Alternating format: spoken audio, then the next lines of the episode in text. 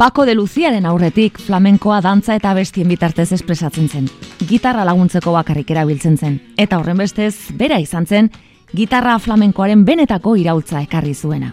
Lehen urratzak Camarón dela la Islaren ondoan eman ondoren, Carlos Santana Aldi Meola edota John Van Laulinen tamainako musikaririk ospetsuenekin kolaboratu zuen.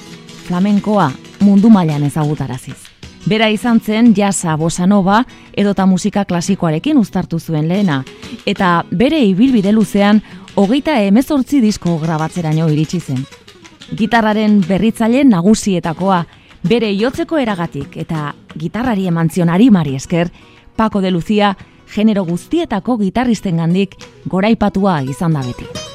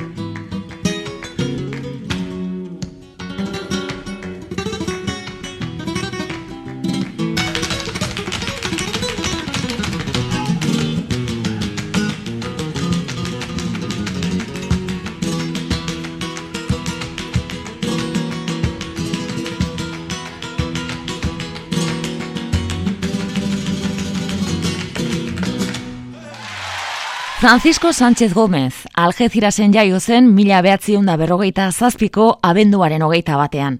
Txikitatik Paco de Lucia deitu zioten, bere auzoan hainbeste Paco zirenez, norbere amaren izenarekin bere izten zituztelako. Mutilkozkorretan Pepe Martxena eta Juanito Balderrama izan ziren bere idoloak, eta haien antzera flamenko izarren gitarrista izatea zen bere ametsa. Tarteka, solo bat egiteko aukerarekin, konformatzen zen beraz sortzaile flamenkoak, gitarra jotzaile naiz Andaluziako maila sozialik bajuenetakoak ziren, eta ondorioz, Espainia guztiko tokirik behartzuenetan bizi ziren.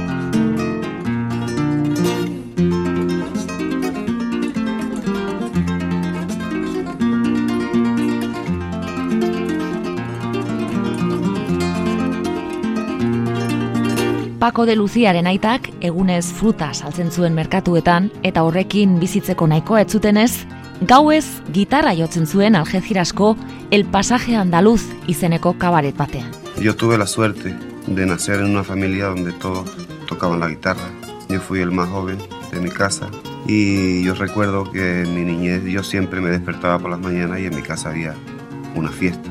Y recuerdo que casi todas las noches, todas las mañanas, madrugadas se venía ahí al patio de mi casa y, por ahí pasaron gente muy, muy interesante, artistas muy buenos. Y yo pues siempre me levantaba oyendo aquello.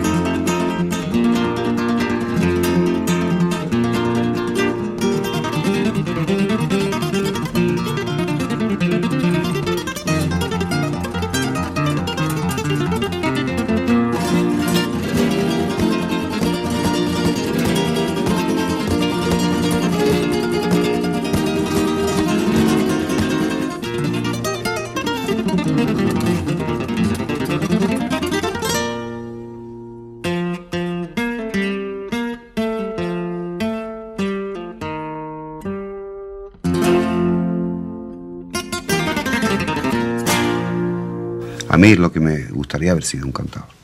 Yo no fui cantador por timidez, porque yo era un niño tímido, introvertido, gordito, y en un pueblo donde, Andalucía, donde de todo se saca punta para hacer un chiste. Y ser un niño con esas características en un pueblo donde todo el mundo sale a la calle a cachonearse y a reírse de los demás, no era fácil. Entonces de pronto yo quería cantar, pero con esas hechura y con ese con esa personalidad, esa timidez, pues me daba mucha vergüenza. Entonces aprendí la guitarra porque así la guitarra era la protagonista y yo me escondía detrás de ella.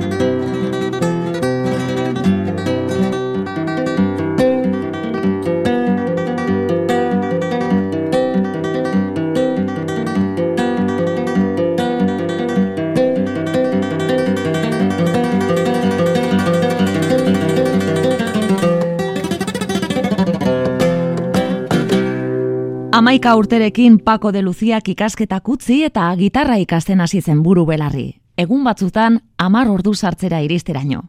Amabi urte bete zituen erako esku izugarria zuen eta bere anaia peperekin batera los txikitos de algeziras bikotea sortu zuen. Pepe de Lucía kanta hore profesionala malu abeslariaren aita da. Hiru disko grabatu zituzten Hispabox etxearekin eta 62an Jerez de la Fronterako festival ospetsuan parte hartu zuten. De Lucía anaiek lehen saria irabazi zuten, izen handiko musikariak atzean utziz. Eta hogeita amabos mila pesetako saria hain potoloa zenez garai hartarako, Algezira zutzi eta familia guztia hartuta Madridera joan alizan ziren bizitzera.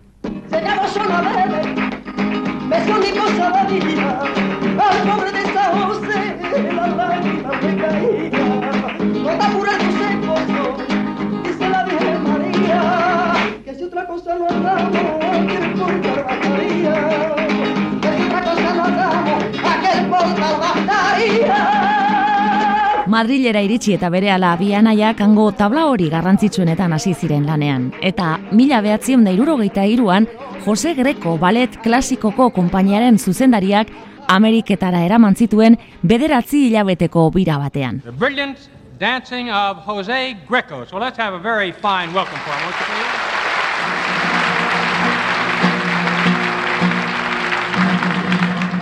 Los Angeleseko teatro batean Jose Grekoren gitarrista nagusia Jose Mogredo gaixotu egintzen eta Paco de Lucía gazteari solo aiotzeko eskatu zitzaion. 16 urte zituen eta lekuonaren malagena jo zuen. Thank you.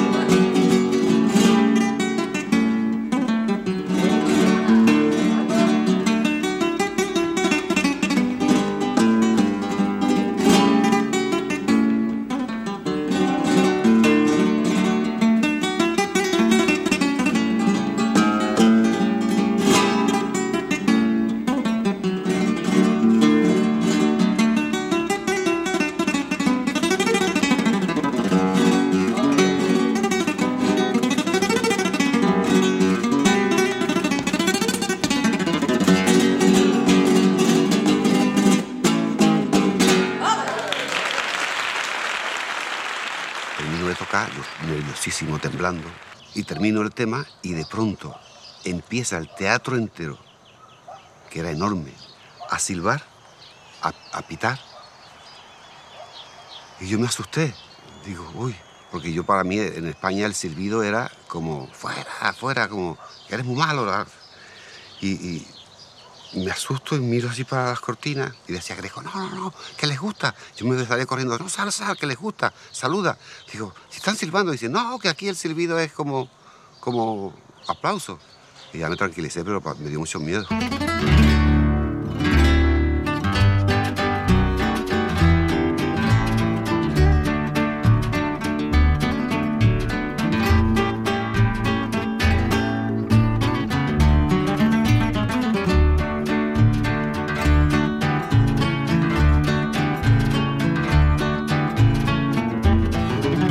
Mila behatziunda irurogeita bostetik aurrera, Paco de Luziak eta Ramon de Algeziras bere anaiak jarraian disko de xente grabatu zituzten eta bikote moduan kontzertuak eman zituzten mundu osoan. Mila behatziunda irurogeita zazpian, dos gitarras flamenkasen Amerika Latina kaleratu zuten eta bertan, Ego Ameriketako kantarik ezagunenen versio flamenkoak interpretatu zituzten. Cielito Zielito lindo ospetsua esaterako.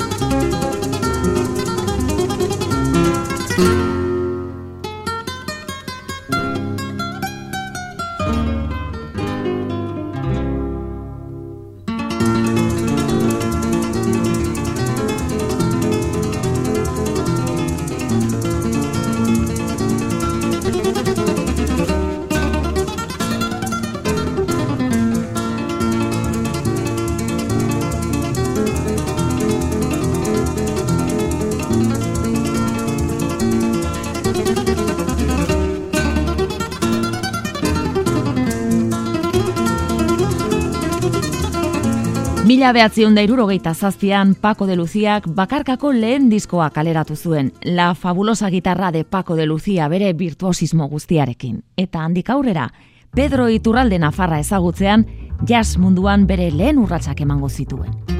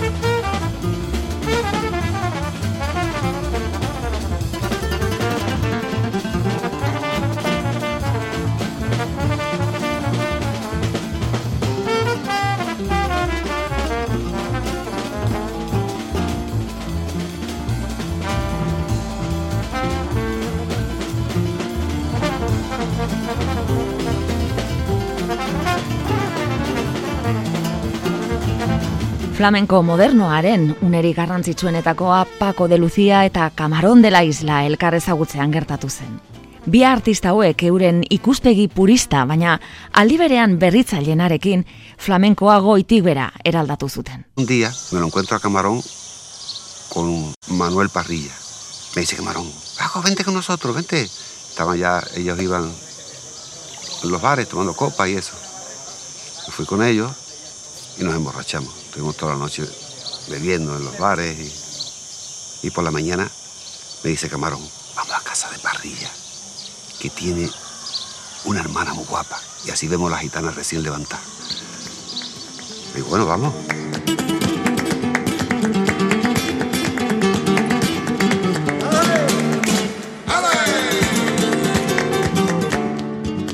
Entonces, ahí llegamos a la casa y nos vamos al patio que tenía parrilla y empezó a cantar camarón y yo no lo podía creer. Primero que pregunto, ay lo primero, prima que pregunto, o si la tabernera guapa de mí y no tiene buen gusto. Válgame de compañerita, Servi, no tiene buen gusto. El impacto fue tan fuerte, yo sentí algo como que ha llegado el Mesías. ¿Esto qué es? Yo, yo, no me podía imaginar que se podía cantar así. ¡Ay, me ¡Ay, me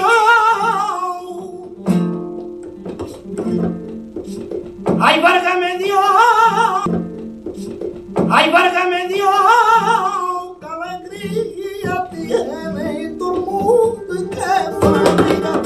A mí me, impactó aquello de una manera brutal.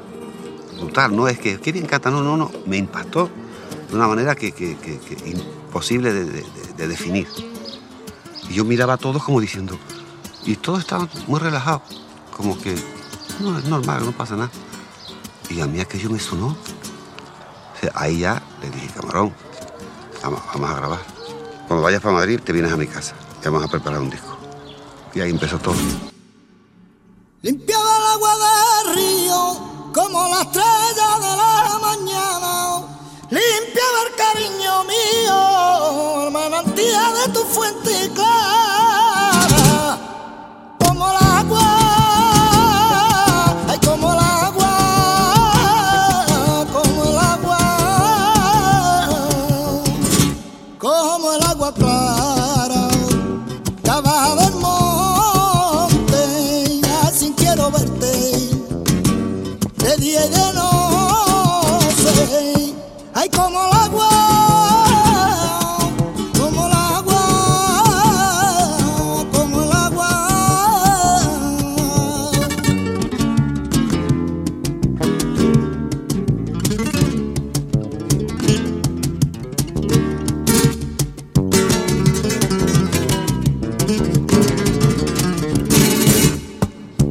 En mi brazo al hombro Su brillo de luz de luna iluminaban tus ojos.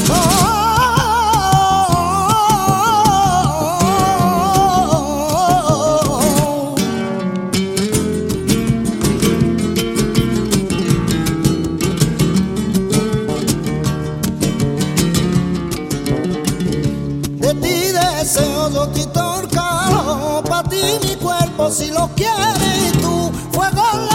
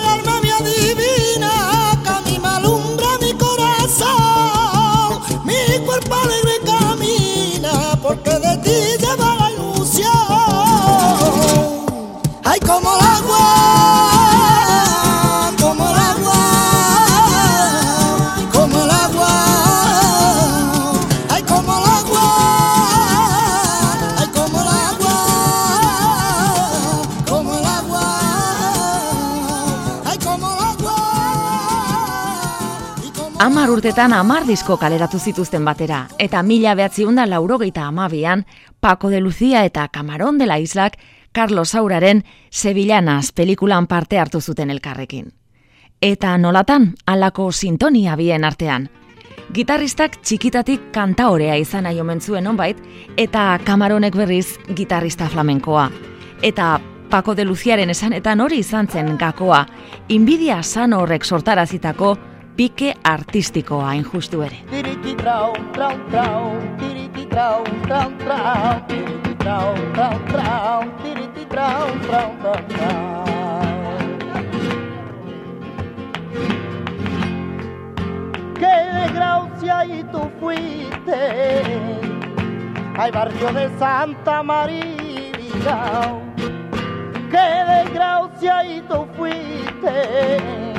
hay un barrio con tanta gracia, hay que de bomba tú recibiste. Hay un barrio con tanta gracia, hay que de bomba tú recibiste, que con la luz del cigarro yo vi el molino se me apagó el cigarro, perdí el camino, perdí el camino, prima, perdí el camino, ay, que con la luz del cigarro yo vi el molino.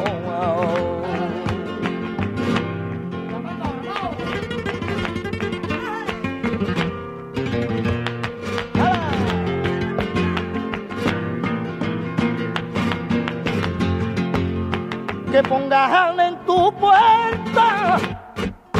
cañones de artillería, que aunque pongan en tu puerto, tengo que pasar por eso, que que me esta este la vía, ah, tengo que pasar por eso, que que me esta este la vía, canto la canta en un armendro se su cante decía, oh, viva mi dueño, viva mi dueño prima, viva mi dueño, hay una tortola canta en un almendro.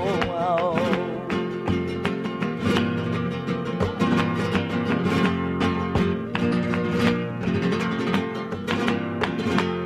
Irurogeita amarreko amarkada hasieran Paco de Lucia kospea handia zuen flamenkoaren munduan, baina mundu horretatik kanpo etzen oso ezaguna. Eta Jesus Quintero el loco de behin, dei egin omentzion guzti zarrituta horren gainean galdetzeko. Zergatik ziren Rafael edota Camilo VI infamatuak, famatuak eta bera ez? Hoy para mí es un día especial, hoy saldré por la noche. Paco de Lucía kasiera batean adarraiotzen jotzen ari zitzaiola pentsatu zuen eta zera erantzun zion bere musika, bere artea, flamenko bakarrik ulertzen zutela eta etzela publiko zabalera iristen.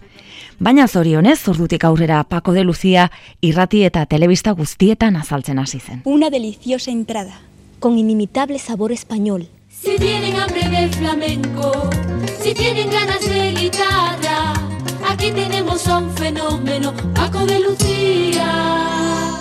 Se inaugura, de hecho, con Paco de Lucía un nuevo ciclo en la historia de la guitarra andaluza. A partir de él ya nada va a ser como fue durante aproximadamente siglo y medio.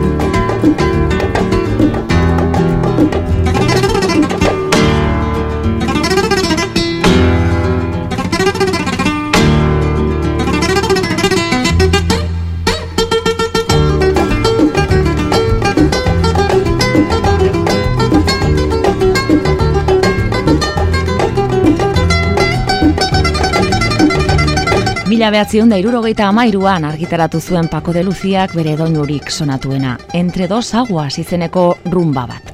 Sekulako arrakasta izan zuen, Espainian eta Espainiatik kanpo, diskorik salduenen zerrendetako lehenengo postuetan ibili zen, eta mila behatzion da irurogeita amabostean, ordura arte musika klasikoaren gotorleku zen, Madrideko Teatro Realen kontzertu bat ematera iritsi Zen gitarista flamenko batentzat horrelako tenplu batean jotzea, izugarrizko erronka zen baina Paco de Luziak Ramon de Algeziras bere anai zarrenarekin batera errez gainditu zuen proba. Antzokia topera bete zen eta publikoan jende gaztea eseri zen batez ere. Badenak txundituta utzi zituen bere gitarraren maixutasunarekin, beti egingo zuen moduan, sustrai flamenkoei errotik eutsi zaldi berean.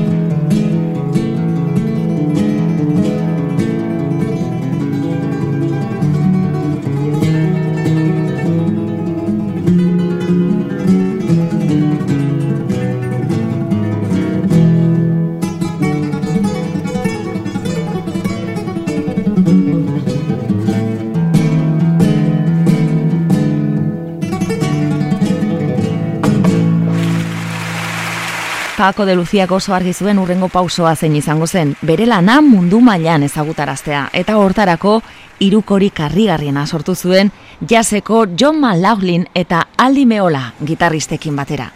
Paco de Lucía bera kontatzen zuenez, hasieran erabata gobiatuta igotzen zen estenatokira, ez baitzen jas improvisatzailea, baina denok dakigunez oso azkar ikasi zuen hizkuntza flamenkoa jas ikutuekin ezkontzen.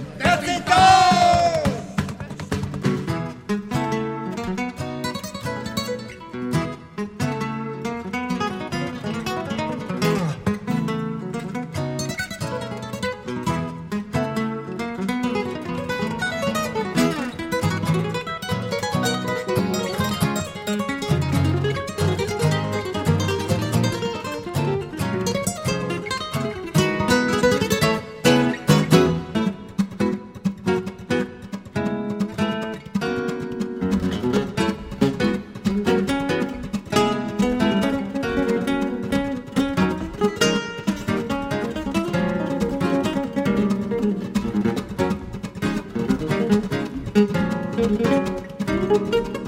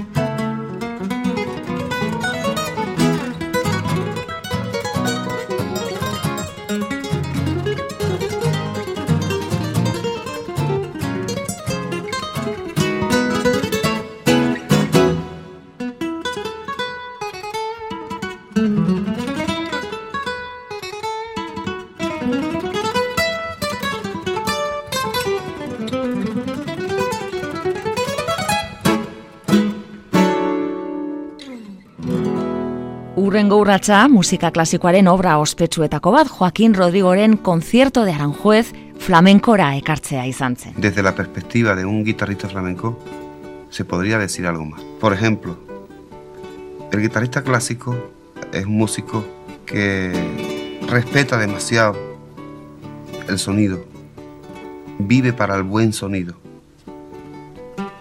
Entonces a veces un pasaje rítmico te lo parten por la mitad, pierden el ritmo, porque técnicamente hay que pasar de aquí a aquí muy rápido y para no fallar la nota, para que la nota no esté sucia, ellos paran el ritmo, ponen cara como de, de, sentimiento para excusar esa parada, se paran y se van aquí abajo para no fallar la nota. Eso me parece una aberración musical. Yo prefiero que esa nota me la den sucia, no limpia, pero que me la den con el sentido rítmico que está escrito.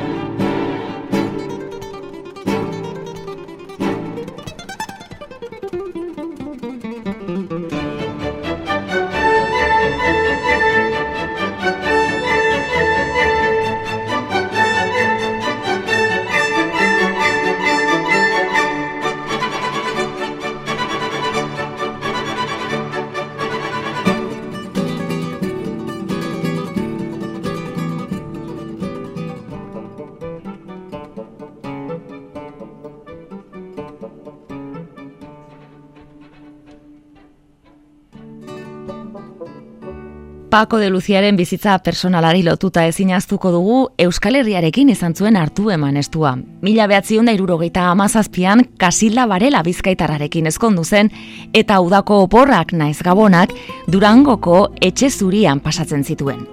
Hemengo gozu kaldaritza ere erabat miresten zuen eta brometan behin Euskal Herriera etzela batere gustora etortzen esan omen zuen zazpiedo zortzikilo hartzen baitzituen aldiko. Durangora ez ezik, getarira ere joaten zen maiz, eta bere bi pasioak uztartzen zituen hartara, janaria eta itsasoa. Euskal Herriko eguraldi grisa eta xirimiria ere gogoko zituen eta Durangoko etxeko galeria modernistan orduak ematen omen zituen konposatzen eta gitarra jotzen. Eta kirola ere asko gustatzen zitzaionez, etxe zuriako frontoian eskupilotan jokatzen zuen lagunekin, John Maglaudlilekin, behin baino gehiagotan. Ba bukatzeko ezin aztuko dugu Pako de Luziak emengo jaz jaialdiekin izan zuen hartu emana, eta inaki anituak esan da dakigu adibidez, entseguak gorroto zituela. Besteak beste, makina bat ordu ematen zituelako bestela ere gitarra jotzen.